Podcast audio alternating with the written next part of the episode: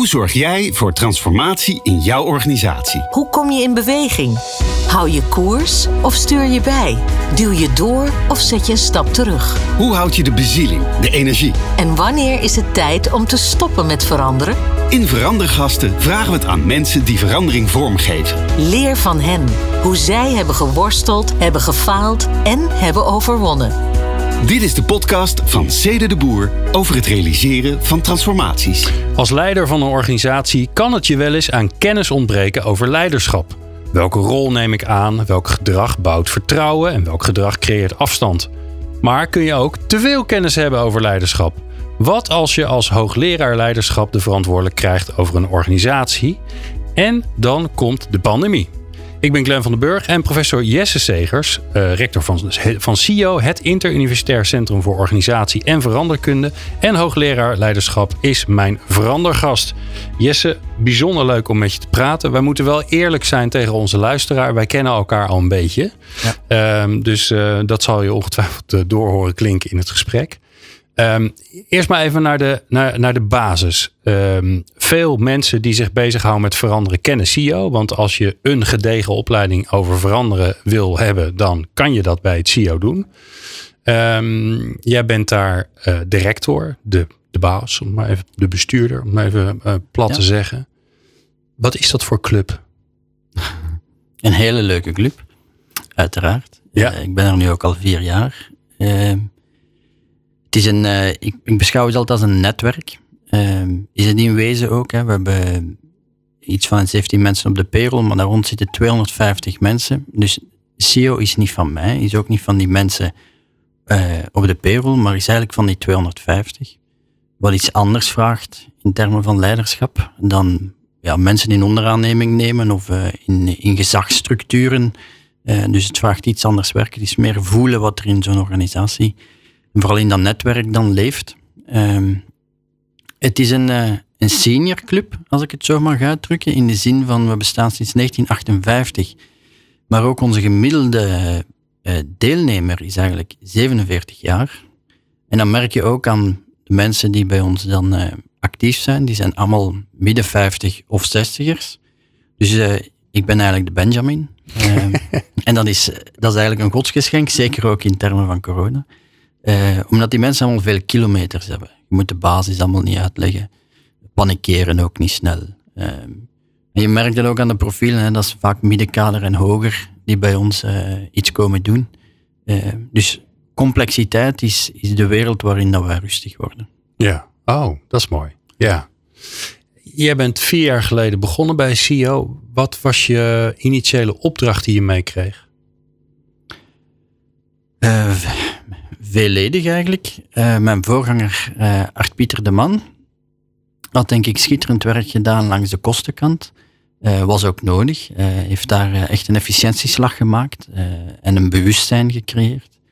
Maar er moest nu langs de omzetkant ehm, ja, vernieuwing komen of groei komen. wouden we overleven. En ook de relatie met het netwerk. omdat ja, als je moet gaan besparen, is dat wat moeilijker om iedereen gelukkig te maken. Dus de relatie met het netwerk moest opnieuw uh, ja, uh, kwalitatiever worden, zal ik maar zeggen. Oké. Okay. Dat waren de twee basisopdrachten. Ja.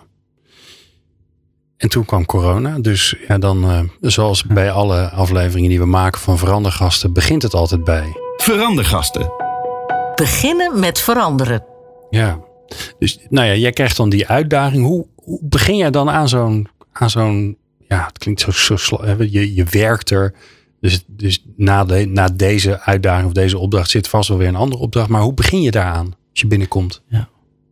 Nu, ik ben binnengekomen in 2018, dus ik, had, ik heb recent eens geteld. Ik had 24 maanden niet corona en 20 maanden wel corona uh, toen. Uh, dus bijna 50-50.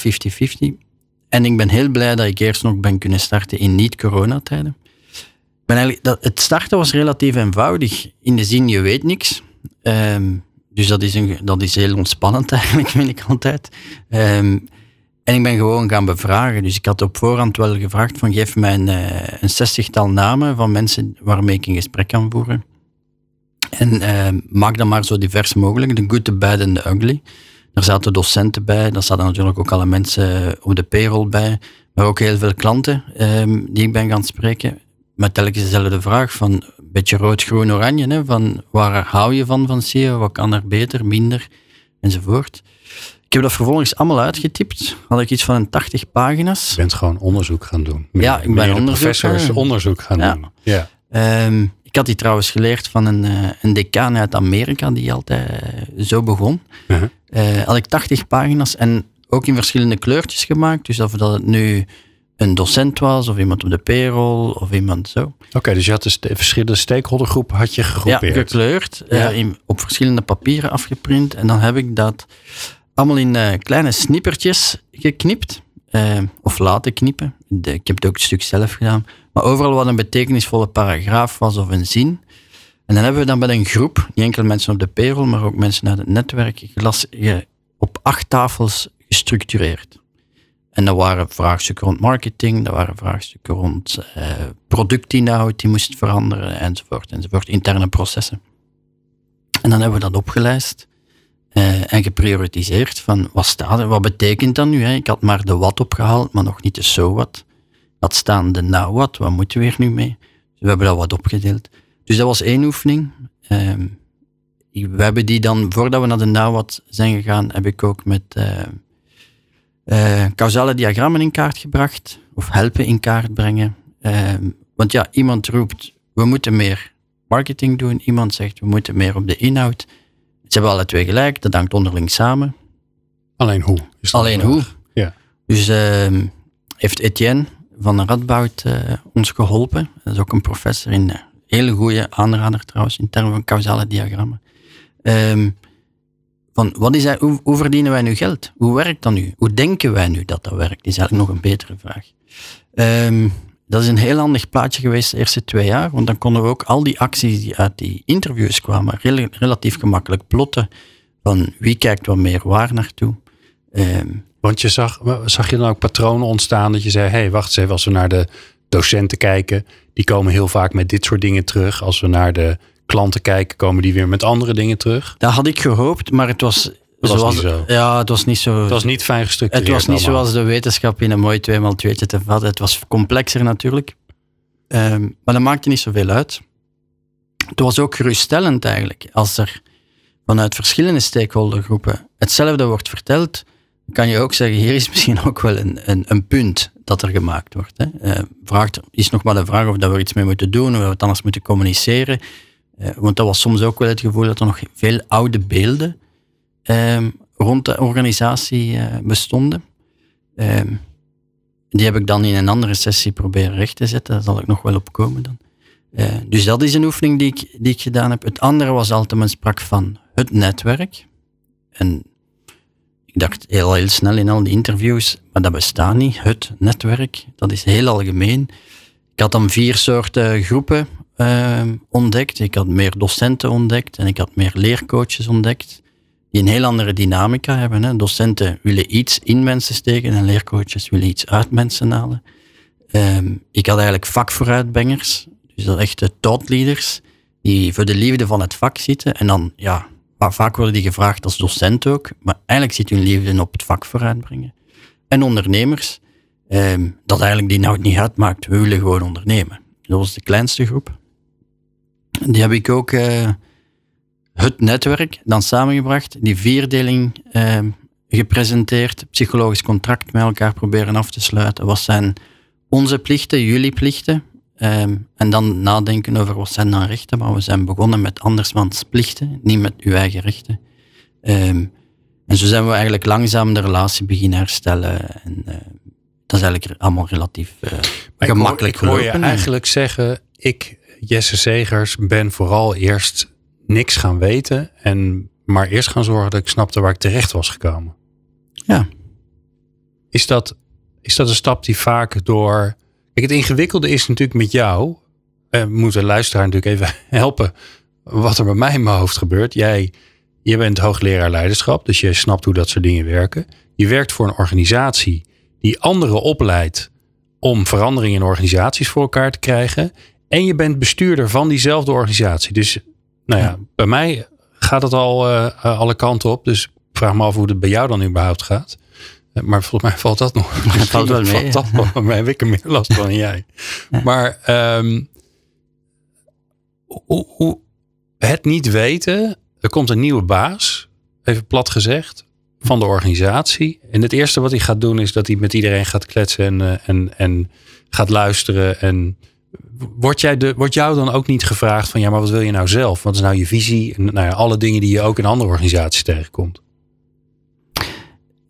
Eh, ja, die vraag, die vraag wordt mij soms wel gesteld. Maar ik heb heel, heel vaak het gevoel, ik had vanmorgen er nog een gesprek over met iemand, dat ik op heel veel dingen geen uitgesproken visie heb. Ehm, totdat iemand mij iets, eh, een stelling voorlegt, journalisten bijvoorbeeld. En dan denk ik, ja, ja, ja, dat, ja, dat klopt, hè, wat dat je zegt. En Ja, daar staat ook nog iets naast. En er staat nog iets naast van wat ik nu net gezegd heb. En dan komt heel snel dat meervoudige. Maar ik heb zelden zoiets van, dit is het nu. Want Ja. eh, da, da, zo zit je niet in elkaar. ja, nee, denk ik dan. Ik vind dat ook heel moeilijk.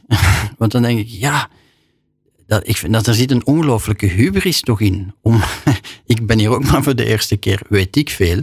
Ehm, en hoe meer dat je leest, hoe meer ik ook tot de constat... En hoe meer dat je van het proces van wetenschap weet, hoe meer dat je ook weet wat daar de waarde van is. Maar ook tot waar de grens eh, loopt van wat je daarmee kan. Heb je wel eens, want dat lijkt me te ingewikkeld in een organisatie die zich bezighoudt met het helpen van anderen om meer te leren over hoe veranderen eigenlijk werkt. Als je daar verandering in wil doen, dan heeft iedereen daar een mening over. Kan ik me voorstellen. Heeft iedereen een idee, misschien ook wel een voorkeur waar die in gelooft. Want er zijn natuurlijk allerlei theorieën en Ja. methodieken die je kunt gebruiken. Heb je daar, hoe ga je daar dan mee om? Want jij kiest er in dit geval voor, ik ga eerst praten en dan, dan ga, ik, eh, ga ik uitschrijven. Nee? Dus je hebt een, een methodiek waar je jezelf prettig bij voelt. Ja, ik had ook een ander kunnen kiezen, denk ik. Maar ehm, deze voelt voor mij wel, voelde voor mij wel comfortabel. Ehm, ja, daar kom ik veel tegen. Hè. Experten, eh, ook in mijn vorige functie. Eh, als vice-decaan van een business school waren ook 400 proffen die het al te beter wisten als mij, uiteraard. Daarvoor worden ze ingehuurd. Ja. Ehm, en ik herken mezelf in die mensen van, dat klinkt misschien heel pedant, want zo oud ben ik dan nog niet, maar toen ik jong was, hè, ehm, eh, passie, dat was heel eh, passievol voor de inhoud en daardoor oogkleppen. Alleen heb ik dan het gevoel, als, als bestuurder eh, moet je die passie erkennen. Ik zie die mensen dan ook heel mooi zijn, als ze daar zo met veel liefde over, zo moet het. Eh, maar bij mij is dan de volgende stap compassie. Dus ik, je evolueert door als je met experten werkt, van passie naar compassie als bestuurder. Dus ja, ik herken ook het vuur dat daar bij hen brandt. En daardoor zie ik hen ook graag, letterlijk. Alleen denk ik, ja, ik heb het geluk dat ik in het volgende meeting even passievol een andere expert mag horen. ja, ja, ja, ja. Dus ik word de hele dag geoefend in die dingen naast elkaar te kunnen laten staan. Maar als ik hun teruggeef dat ik hun graag zie en geloof in wat dat ze zeggen en dat er daarnaast iets anders ook kan zijn, ja, dan zijn zij blij. Ja, ja. ja. Ja. want ook daar is, is het natuurlijk ook jouw taak om te zorgen dat iedereen, net zoals je dat eigenlijk in het hele netwerk doet, dat je, maar ook met je collega's, dat, dat het wel van iedereen blijft. En heel, en heel vaak moet ik soms wat rolverduidelijking doen. Hè. Dus de, de talent dat ze bijvoorbeeld zeker bij SEO hebben, is om te divergeren. Dat wat los zit, los, of wat vast zit, los te trekken, andere invalshoeken te hebben. Dat willen ze dan uiteraard ook bij mij doen. Alleen ben ik hun klant niet. Dus ik, ik, ik geef hun dan erkenning voor de talenten die ze hebben. Alleen is de context even anders. Ja, ik heb het je niet gevraagd. Ja, Bedankt voor je Maar zelfs, zelfs als ze het mij gratis komen geven, wat dan vaak gebeurt, of wel, of wel eens wil het gebeuren, ehm, laat je dat even lopen. Maar als je wil besturen, moet je op een zeker moment ook naar convergentie. Ja. Eh, en daar nodig je je dan niet uit. Eh, of ik draai dat soms gewoon om. Hè. En dan zeg ik, oké, ik beschrijf een casus en dan beschrijf ik onszelf. En dan zeg ik, wat zou je die nu adviseren om te doen? En dan gaat dat heel hard. Dan denk ik, voilà, dat hebben we dan Ah, te doen. er wordt niet gedivergeerd. Er wordt gewoon opgelost. Ja, of dan zeg, je, Ja. dan zeg ik, van, ja, je krijgt allerlei variaties van adviezen enzovoort. Wat, wat heeft die klant dan te doen? Dan zeggen ze, ja, ze moeten daar een keuze in maken. Hè. Ze moeten een richting bepalen. Ik, Focus. Focus. Ja. Dan denk ik, voilà, dank u. Bedankt. Dat is precies dat wat is, ik dat, dat is wat we gaan doen. Eh, dus in dat opzicht is, is, is dat eigenlijk niet zo moeilijk. En dan zijn ze blij meestal. En ik ook. Hè. Eh, ik bedoel dat niet naïeflijk. Hè. Zijn ze oprecht betrokken, tevreden. eh, Voelen ze erkenning. En daar zien ze, voelen ze zich gezien. En ik voel mij gezien. Ja, en dan is dat allemaal niet zo heel moeilijk. Ik ga even een metafoor erbij halen. Welk instrument ben jij? Nou, ik weet niet wat je favoriete muzieksmaak is. Waar hou je van? Waar luister je naar? In lijn met mijn vorige antwoorden. Van, Van alles nog wat. Van alles. Nou, Maar eh, jazz, blues, eh, klassieke muziek ook wel. eh. Oké, nou, stel je een, een, een bluesband of een, of een orkest voor. Ehm, en daar zitten alle instrumenten in. Dat zijn die dingen die mensen in hun handen houden. Ja. of, of hun stem, die telt ook mee. Wat ben jij dan als je naar jezelf kijkt als veranderaar? Dat zit misschien niet in de jazz of zo, maar mijn reflex zou zijn een doedelzak. Eh, Dat zit, nou ja, het is alvast jazz en met een doedelzak. dat is misschien weer doedelzak, Piper, ja, een Piperband of zo. Ehm, dat is iets heel anders. Ik zou dat heel graag kunnen spelen trouwens, maar ik heb weinig gevoel voor muziek.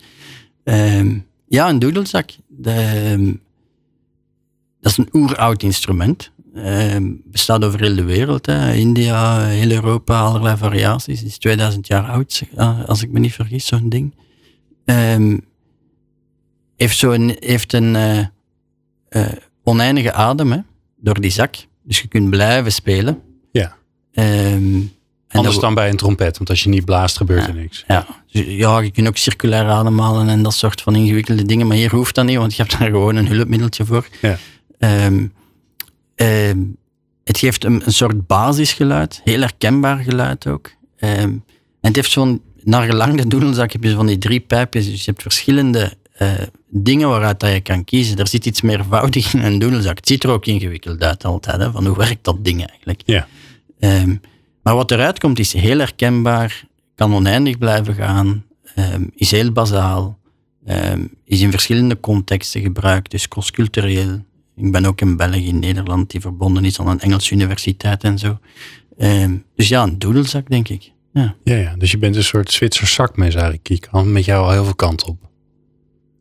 Eh, dat, dat, dat wil ik van mezelf geloven. Ja? Of Ja, dat is toch maar- de ambitie die ik heb. Ja. Ja. Eh, iemand zei ooit, en dat vond ik wel een beeld dat voor mij past, een, een wegwijzer.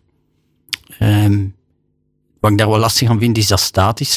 Ja, die beweegt niet zoveel. Beweegt niet zoveel. Nee. Het, zou, het zou onhandig zijn als een wegwijzer wel beweegt. trouwens. ja, ja, zou, zou, ja, het Ja. zou een, een dynamische wegwijzer Een navigatiesysteem. Ja, dat is een. GPS of zo. Ja. Eh, maar het was eerder dat oude beeld van eh, verschillende pijlen van nog 5000 kilometer naar Milaan of zoveel naar eh, Bangkok of zo. En ik dacht, ja, dat klopt eigenlijk wel. Omdat ik probeer, zowel in de strategieliteratuur als een beetje in de veranderkunde, als in leiderschap, als in de klinische psychologie, als in de filosofie, als in... eh, dan denk ik, ja, waar heb jij nood aan? Ja, je Eh, bent geen su- superspecialist die op één vierkante millimeter alles en alles en alles weet. Ik weet vooral veel nog niet. En ik heb wel een kern. Ik weet natuurlijk iets disproportioneel meer over leiderschap dan over de andere gebieden. Ehm, maar mijn liefde is gewoon ja, de mens in al zijn vormen. Hè. In, eh, en dan vooral nog in een organisatiecontext. Maar ook daar, dat is zo'n artificiële tweedeling. Hè. Eh, het is toch heel vaak de mens die gewoon binnenkomt en dan de professional. Ehm, dus de klinische kant vind ik al even boeiend als de strategische kant. Eh, en dat heeft wel iets wegwijzerig. Van, dan kan ik een boekje aanraden of zo als professor. Ja. Alright. Ehm, je bent begonnen eh, vier jaar geleden met CEO. eh, opdracht, eh, dingen in kaart gebracht. eh, helder gemaakt wat er in ieder geval eh, de buitenwereld eh, vond dat je, waar je wat aan moest gaan doen.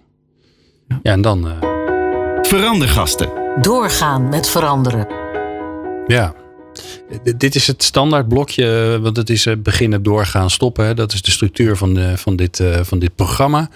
Ehm, maar ja, doorgaan, misschien was het bij jou wel al het roer juist omgooien. Want eh, toen, eh, toen je eenmaal lekker bezig was, eh, toen kwam COVID. Eh, hoe, hoe ga je daarmee om? Ambivalent in die zin dat ik ergens heel blij was. Uh, dat mocht je niet te luid zeggen waarschijnlijk, maar uh, ik zat wel met een puzzel na twintig maanden zo van oké, we hebben heel veel firsts georganiseerd of gerealiseerd. Uh, omzet is gegroeid, netwerk, netwerk zit terug goed in elkaar, we hebben nieuwe branding, we hebben productportfolio vernieuwd, we zijn aan het doorprofessionaliseren, we waren verhuisd, we ons CRM-systeem veranderd, enzovoort, enzovoort. Er kwam wel zo'n beetje een vraag, en wat nu? Eh, voor mezelf. Van de, de eerste goede basis ligt er, nu kunnen we daarop verder bouwen. Ja, en dan kwam corona. Ergens vond ik dat ook wel boeiend. Maar dat verder, want dat is wel grappig. Voelt dat verder bouwen dan, is dat dan minder dicht bij je dan ja. ergens binnenkomen en denken, hé, hey, wat is hier eigenlijk aan de hand? En... Het is minder spannend. Oké, dus je bent een, je bent een, een starter. Uh, dus je komt er eigenlijk meer als een soort, dat bedoel ik niet vervelend, maar meer als een, als een interimmer binnen dan, dan iemand die ja, ik hou tien jaar van, lang... Ik, ja, ik hou wel van die mindset. Uh, van met vreemde ogen naar het bestaande kunnen blijven kijken. En dat was de valkuil waarin ik, waar ik schrik voor had om in te gaan trappen. Van ja, voordat ik het weet ben ik voor ingenomen. Denk ik, ja, heb ik al gezien. Nee, nee, nee. Uh, dat risico liep ik, of daar had ik schrik voor alvast. Ehm, en corona heeft natuurlijk alles op zijn kop gezet. Was voor mij ook boeiend. Want zowel in deze functie als in mijn vorige functie was het vooral een bouwfunctie. De laatste tien jaar ook een expertisecentrum rond leiderschap. Dat was bouwen. En dan als vice-decaan, dat was bouwen. Dat was een groeiscenario.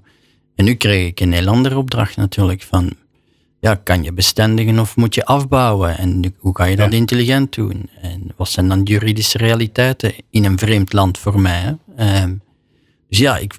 Want jij kreeg natuurlijk, jullie kregen natuurlijk te maken met allerlei leergangen, workshops die allemaal niet doorgingen. En mensen die afzeiden omdat ze ziek waren of niet durfden te komen. Waarbij je waarschijnlijk, jullie met z'n allen moesten zoeken, wat hadden we ook weer opgeschreven in onze algemene voorwaarden. En willen we mensen daar überhaupt aan gaan houden? Dat soort vragen krijg je dan. Absoluut, ja. ja, ja. Uh, eh, opnieuw, en dan heb dan twee dingen daar. Langs de ene kant was dat wat uitzoeken. Uh, en ik had al heel snel in mijn hoofd, ja, het is eigenlijk altijd hetzelfde patroon. Mogen, eh, willen en kunnen. Mogen bepaalt de overheid, willen bepaalt de klant en kunnen bepalen wij. En die is altijd dat trapje daar moet aflopen. Wat mogen we nu de komende zes weken? Wat wil de klant? En wat kun, kunnen we het dan leveren? Eh, en dat gaf redelijk veel rust in mijn hoofd. Eenmaal als we dat helder hadden. Eh, dat dat gewoon een sequentie was. Eh, dat was betekende voor jullie ook dat je van de een op het andere moment gewoon, ja. als er een echte lockdown was, kon, kon je gewoon niks doen. Ja, de eerste maanden was voor iedereen natuurlijk verwarrend. Ja. Ehm, en er werden allemaal grote verhalen verteld, wat ik ook altijd bijzonder vond.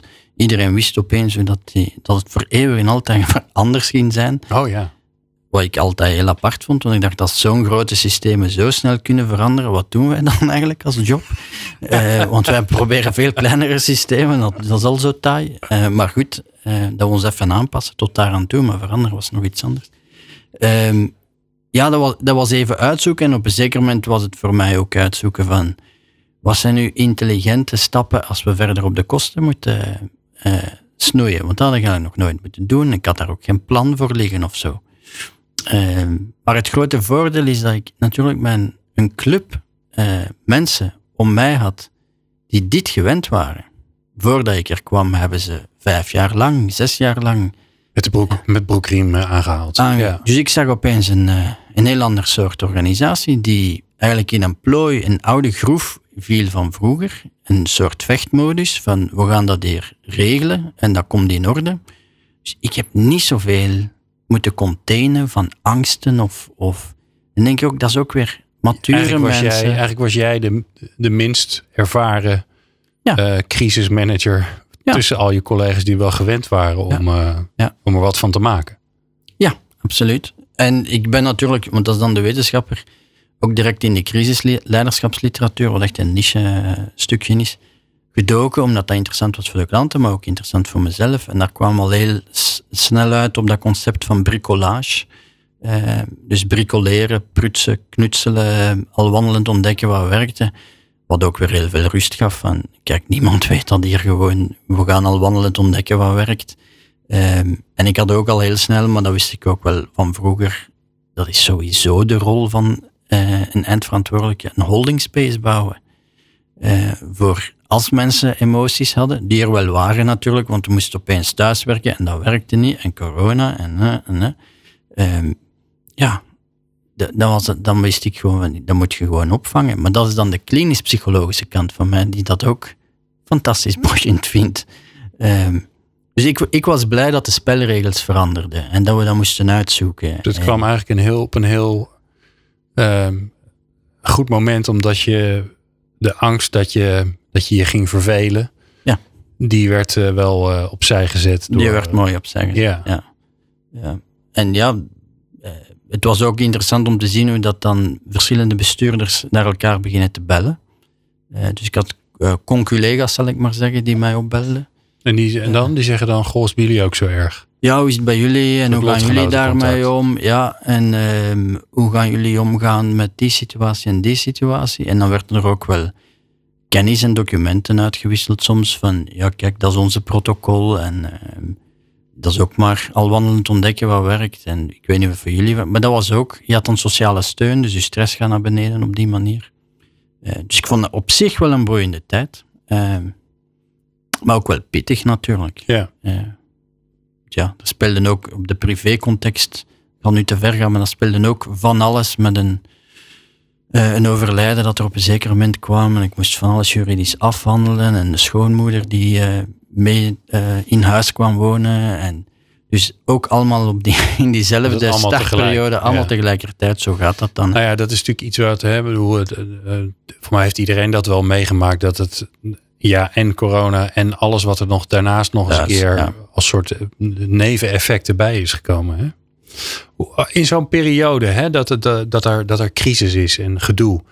Hoe bouw jij dan voor jezelf reflectie in? Hoe, hoe kun je er nou voor zorgen dat je ook eh, in die hectiek van alle dag en dat al wandelend, knutselend oplossen, dat je ook een stap terug kan zetten en denken: hé, hey, maar even, ik moet daar ook even rustig over na kunnen denken?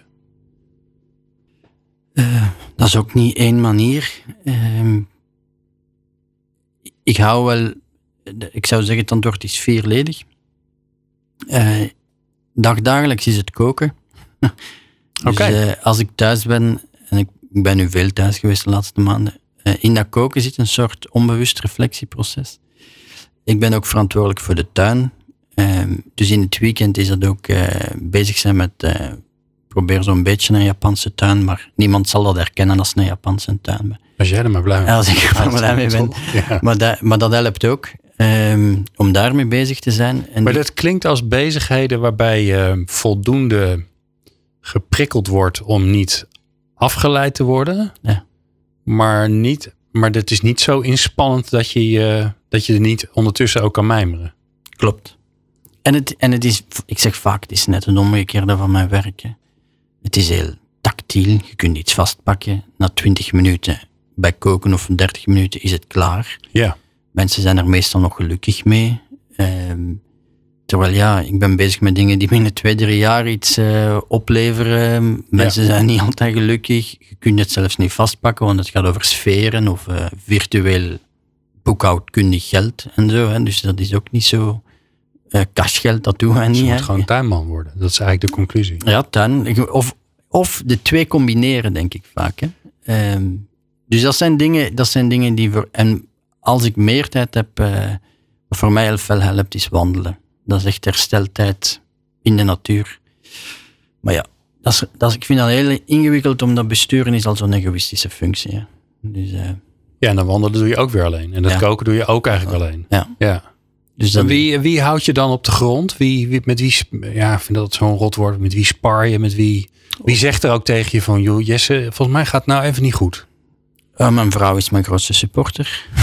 Ja? Die staat alleen maar te klappen langs de zijlijn. Eh, nee, oh. die, is, die is heel nuchter natuurlijk. Ja. Die kent mij door en door, dus op dat vlak. Uh, zij, uh, ik heb een dochter van zeven, dat is ook niet zo moeilijk, die duidelijk maakt wanneer dat ze aandacht verdient. Ehm, dus dat zijn dingen die helpen. Maar ik, ik zit nu eenmaal ook in een sector waar zoveel coaches rondlopen.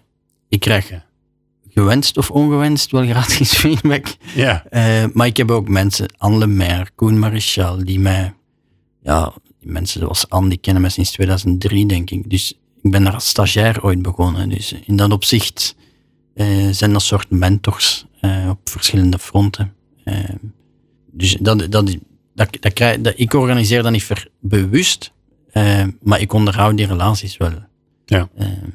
Dus ik ga nu niet in intervisie of coaching bij iemand of zo.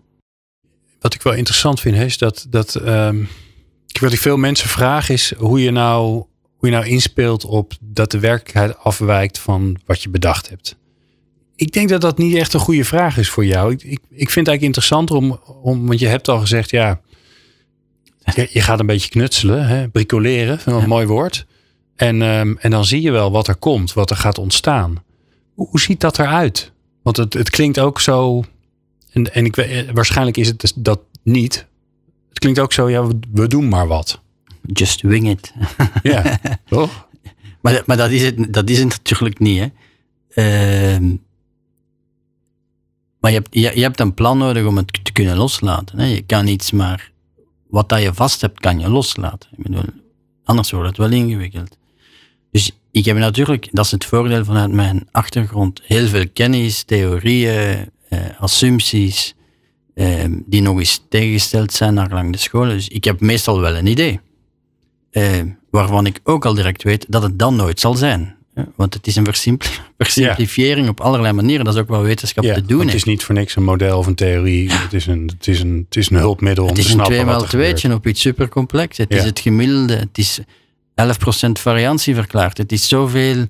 Eh, we hebben het nooit over de standaarddeviatie, de grijsschalen, daar hebben we het niet over. Um, maar dat is niet erg. Je hebt een startpunt. Um, en tegelijkertijd, en ook, het, is, nogmaals, het is zo'n hoogmoed. als je, vind ik, als je aan een veranderingsproces begint, uh, recent nu nog in een organisatie, dan doe je zo'n top 100, 10.000 man, en dan vragen ze aan jou, wat is de volgende stap in het veranderproces? Weet ik veel. Ja. Ik bedoel, we gaan nu eens de interactie van 10.000 mensen proberen te beïnvloeden, plus hun samenwerking met klanten en nog de extramuralen enzovoort. Dat kun je toch gewoon niet weten. Het enige wat je weet is dat je het niet weet. En dat is geruststellend, vind ik. Zolang jij dat maar snel leert, ja, dan is het dat. Wil dat zeggen dat je zomaar wat doet, moet doen? Nee, je probeert daar betekenis aan te geven. Je denkt dat is een logische stap, wetend dat het toch weer anders gaat zijn. Dus dan heb je ook mildheid als het afwijkt. Wat, wat is het dat je die twee uh, kunt verenigen? Want er zijn natuurlijk heel veel mensen die, die, stop, die hebben een idee. Dat is van hen. Dat is een soort mm. eigendom. Daar, daar, daar zijn ze blij en trots mee op. En dan gaan ze ermee aan de slag. En die vinden het heel lastig. Volgens mij weet jij. Ja. voor mij is het ook een psychologisch proces. En jij gaat mij natuurlijk vertellen hoe dat nu in elkaar zit. Maar ja, je, je wil eigenlijk het allerliefst, volgens mij als mens, dat het ook gaat zoals je het bedacht hebt. En jij hebt daar geen last van. Zeg ik nu, ik bovenop de berg als bestuurder sta. Hè? Ja. ja, nou ja.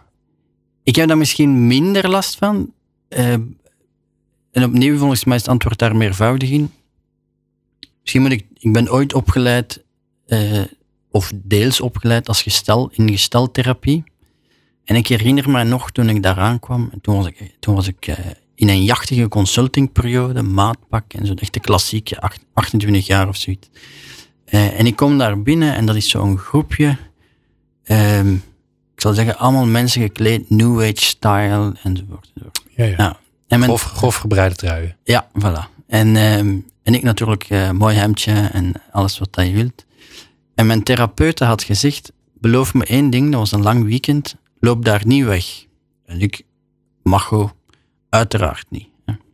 Ik kom daar binnen en ik denk, dit hou ik gewoon echt geen, geen hele week. Allee, zelfs geen weekend vol. Hè. Dat was een, een, een tweedaags en daarna nog eens twee dagen. Ik dacht, oh, wat gaat dit geven? Nu, uiteindelijk ben ik een hele opleiding gaan doen daarvoor. En ja, ik was dan misschien de slimste, uh, intellectueel gesproken. Maar ik heb zoveel geleerd van die mensen. Die wisten zoveel andere stukken van de werkelijkheid, emotionele werkelijkheden, poëtische werkelijkheden, die ik gewoon niet zag. En zij konden van mij dingen oppikken, maar ik heb van die mensen zoveel mijn blinde vlekken gratis teruggekregen, zal ik maar zeggen. En dat elke maand dan een stuk. Ja, dag één, het geeft nederigheid en het geeft dankbaarheid. Maar dat maakt ook misschien dat ik daar een stap heb kunnen zetten. Ehm, en voor de rest, ik blijf altijd, ik woon nog altijd in België. Hè. Dus ik ben, uh, ik ga altijd de grens over. Hè. En wat gebeurt er dan? Dan kom je in een andere wereld. Ja, je komt in een andere wereld. Dus ik kan met deels makkelijker misschien met verwondering blijven kijken naar al het mooie dat hier gebeurt. Zonder daar een oordeel over te hebben. Want ik blijf de, de, de Belg. Ja. Ehm, en in Nederland denken ze, ja, ja, ja, tot de Nederlanders naar België komen en daar werken en dan ontdekken, oeh, dat is toch een heel andere cultuur. Ja. En ik werk dan nog in, ik woon dan nog in een uh, majority-minority city. Dus dat is 134 nationaliteiten op 43.000 mensen. Dus als ik buiten stap, hoor ik geen Nederlands. Hè. Ik hoor Frans, ik hoor Arabisch, ik hoor Albanese. Ik hoor... Dat is wat ik op mijn straat hoor. Dat is waar mijn dochter opgroeit. Dus ja, uiteraard heb je dan misschien meer kans om wat te relativeren en te denken, ja, wat ik belangrijk vind. Uh, het was overlaatst nog iemand die net voor mijn voordeur zijn auto aan het repareren was. En dus goed zo uh, gas aan het geven is, dus veel damp. En dan komt rechtstreeks onze, onze gang binnen, zal ik maar zeggen, want ik rook de, de loodgeur in mijn gang. En ik dacht, allee, dat is nu toch ongelooflijk dat die mens daar geen rekening mee houdt. Dat was mijn eerste oordeel. En, en toen dacht ik, ja, die heeft andere waarden en ik kan geen auto repareren. Hij kan dat wel en ik niet. Dus kijk, dat is toch knap dat hij dat zelf kan eigenlijk. Ja. Um, dus opnieuw de relativering, want ik dacht, dat doet het toch niet, dat is geen respect. Hè? Um, maar hij heeft op een andere manier heel veel respect voor andere dingen. Zo. Dus elke dag word je daar uitgenodigd, als je dat wilt. Mooi. Ja, heel mooi. Verandergasten. Stoppen met veranderen. Ja, dit is een, uh, een interessante. Want um, je moet ook een keer ophouden. En de vraag is natuurlijk, hè, en, en, en dan gaat het dus niet over de verandering zelf, hè, maar over, je, over jou als veranderaar in dat geheel. En ik heb uh, een aantal stellingen voor jou, Jesse, om, uh, om te helpen om het een beetje scherp te krijgen. Instelling. Keuze uit twee antwoorden. Ja of nee? Nou, dat, is, uh, dat moet uh, meneer de hoogleraar toch wel begrijpen, denk ik. Hè? Dus die mag ja of nee beantwoorden. en daarna zal ik je wel vragen om het toe te lichten. Um, uh, stelling 1. Ik stop pas als het doel bereikt is. Nee. Waarom niet? Omdat heel duidelijk zou signaleren dat je een scherp doel hebt. Ehm, terwijl ik dat niet heb. Ik heb veel meer een bepaalde richting en een idee van een finaliteit die dan toch altijd opschuift. En uh, dat is veel meer uh, ja, malleable, zouden ze zeggen in het Engels. Um, dus nee, dat, dat, dat, zou iets heel statisch inhouden. Ook. Plus, ja. het zou ook betekenen dat je iets bedacht hebt zoveel maanden daarvoor of jaren daarvoor en dat dan nu nog altijd geldig dat zou uitkomt, zijn. Ja, ja dat, dat zou wel heel maakbaar zijn allemaal. Ja, ja, Uh, nee. dus dat, dat schuift. Dat schuift allemaal. Oké, okay. de volgende stelling. De verandering is nooit klaar. Juist, ja. Ja. Dat is ook wel ingewikkeld. Want dan zit je dus... Of, of heel rustgevend, vind ik net. Oh ja, want? Uh, dat is net de troost. Als we ervan uitgaan dat er zo'n A, B is, uh, Fries en Fries, Fries of zo, van vroeger, van Levin en zo. Ah nee, dat is toch heel geruststellend dat het nooit klaar is de, dat het dynamisch is. En al, zolang het maar beweegt, ben ik zelfs gelukkiger dan dat het opeens zich stolt. Want dan voelt je al dat je aan het sterven bent. Hè. Uh, maar dus, zo voelt het dan voor jou? Als er dingen stilstaan, dan word je ongelukkig? Uh, niet alles moet bewegen op, allemaal op hetzelfde moment, want dat is ook chaos. Maar uh, als iets begint te verstillen, op vlak van collectieven, ja, dan word ik wel ongerust omdat die context daar rond niet verstilt. Hè?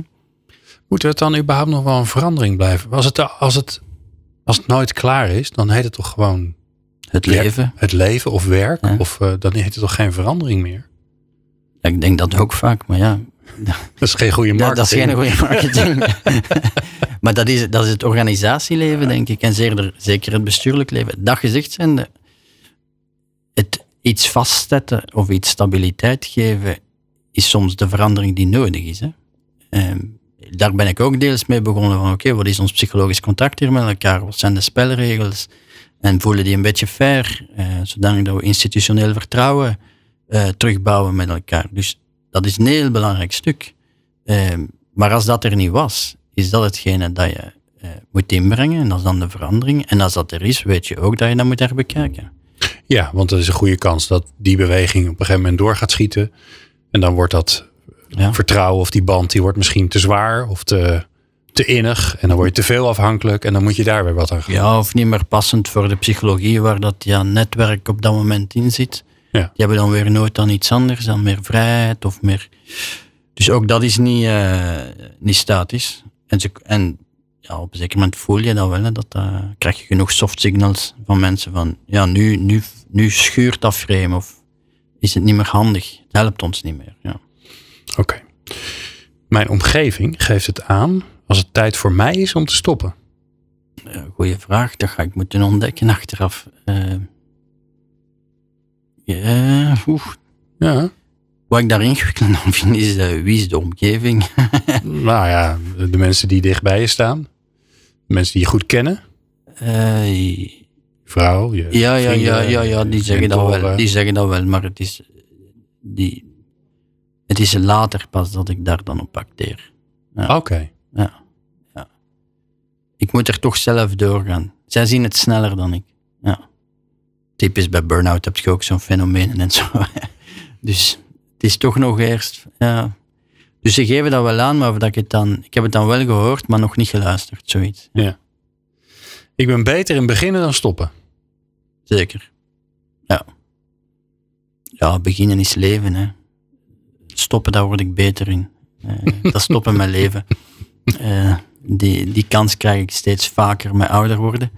Uh, maar ik ben wel beter in beginnen, dat is zeker. Ja. ja.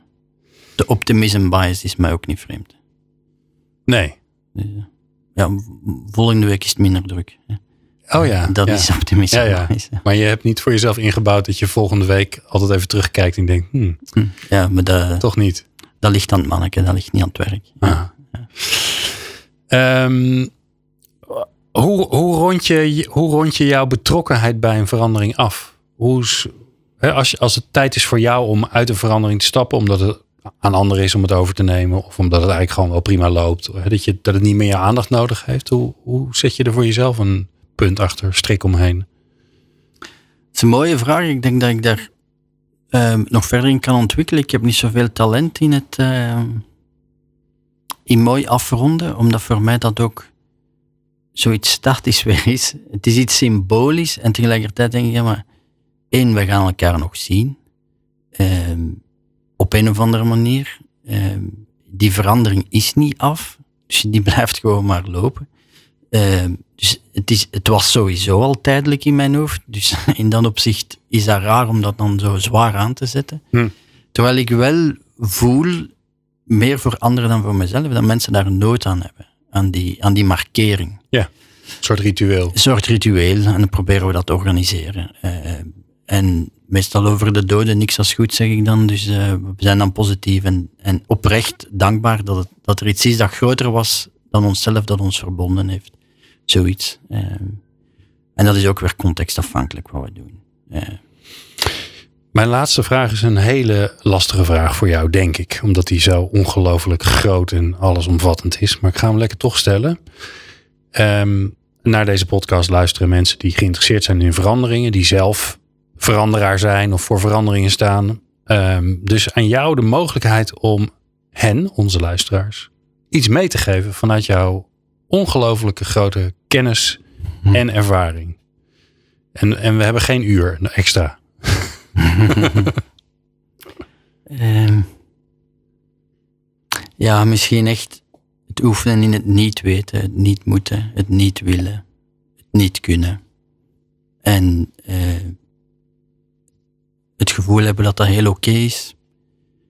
Um, en hoe meer dat je daarin slaagt, hoe sterker je ego wordt. Dus niet hoe groter je ego wordt, maar hoe contextlozer het wordt. Um, het grappige, ik zie dan ook altijd een soort, ze noemen dat de beginners mindset hè, in boeddhisme. Ik zie dan ook altijd zo'n soort een baby eigenlijk, hè, die het allemaal nog niet weet, maar die veranderen wel het snelst. Hè. Dus, uh, dus in dat geval, dus dat, dat proberen te ontwikkelen. En onderzoeken wat maakt dat ik het zo belangrijk vind dat ik het dan toch weet kan of moet of wil. Hoe, hoe heb je dat zelf? Of laat ik het anders zeggen. Als ik, stel je voor dat je mij dat advies hebt gegeven, dan zou ik je nu vragen: oké, maar wat, hoe, hoe moet ik dat dan doen? Dus hoe, kan ik daar een eerste stap in zetten? Moet ik een dagboekje bij gaan houden? Moet ik mezelf bij een vergadering voornemen om alleen maar vragen te stellen, niets te weten? Niet, niet mijn kennis te delen, gewoon mezelf forceren daarin. Wat zou je aanraden? Uh, mijn advies is om, om uh, ja, vol in complexiteit te stappen. In weer, vooral in werelden te stappen die je niet kent. Als ik daar als snelle consultant stap in een wereld van New Age truien, fantastisch. Als ik als acadeem met mijn voeten in de praktijk ga staan, fantastisch. Als ik mijn klinische kant in strategische vraagstukken ga stappen, fantastisch. Als ik als Belg in Nederland of Canada of Amerika of Engeland ga werken, fantastisch. Ik bedoel, het, er zijn echt oprecht momenten waar ik angstig en schrik had. Hè, van wow, ik snap dit gewoon niet. Waar gaat dit over? Uh, verlieservaringen. Ga naar begrafenissen. Ga naar mensen die uh, heel anders kijken naar jou. Uh, en dus in verbinding het verschil toelaten. Dat is de kunst. Hè? In verbinding verschil. Verschil toelaten is niet zo moeilijk. of inbrengen. Maar in verbinding. ja, dan denk ik, dan heb je veel. Uh, dat zijn dingen die ik, waarvan ik denk, dat helpt allemaal. Uh, ja. Mooi. Nou, wat je natuurlijk altijd kan doen, is uh, gewoon even een klein leergangetje volgen bij, bij CEO. Dat kan natuurlijk altijd. ik zal de marketing voor Jesse voor mijn rekening nemen. Dankjewel, Dankjewel. Jesse Zeger, rector van CEO en ook nog eens een keer hoogleraar leiderschap aan een aantal universiteiten. En jij natuurlijk dankjewel voor het luisteren. Dank voor het luisteren naar Verandergasten. De podcast van Cede de Boer over het realiseren van transformaties. Je helpt ons enorm met 5 sterren, een like, follow of duimpje. Meer afleveringen vind je in jouw favoriete podcast app. Vergeet je niet te abonneren als je niks wilt missen.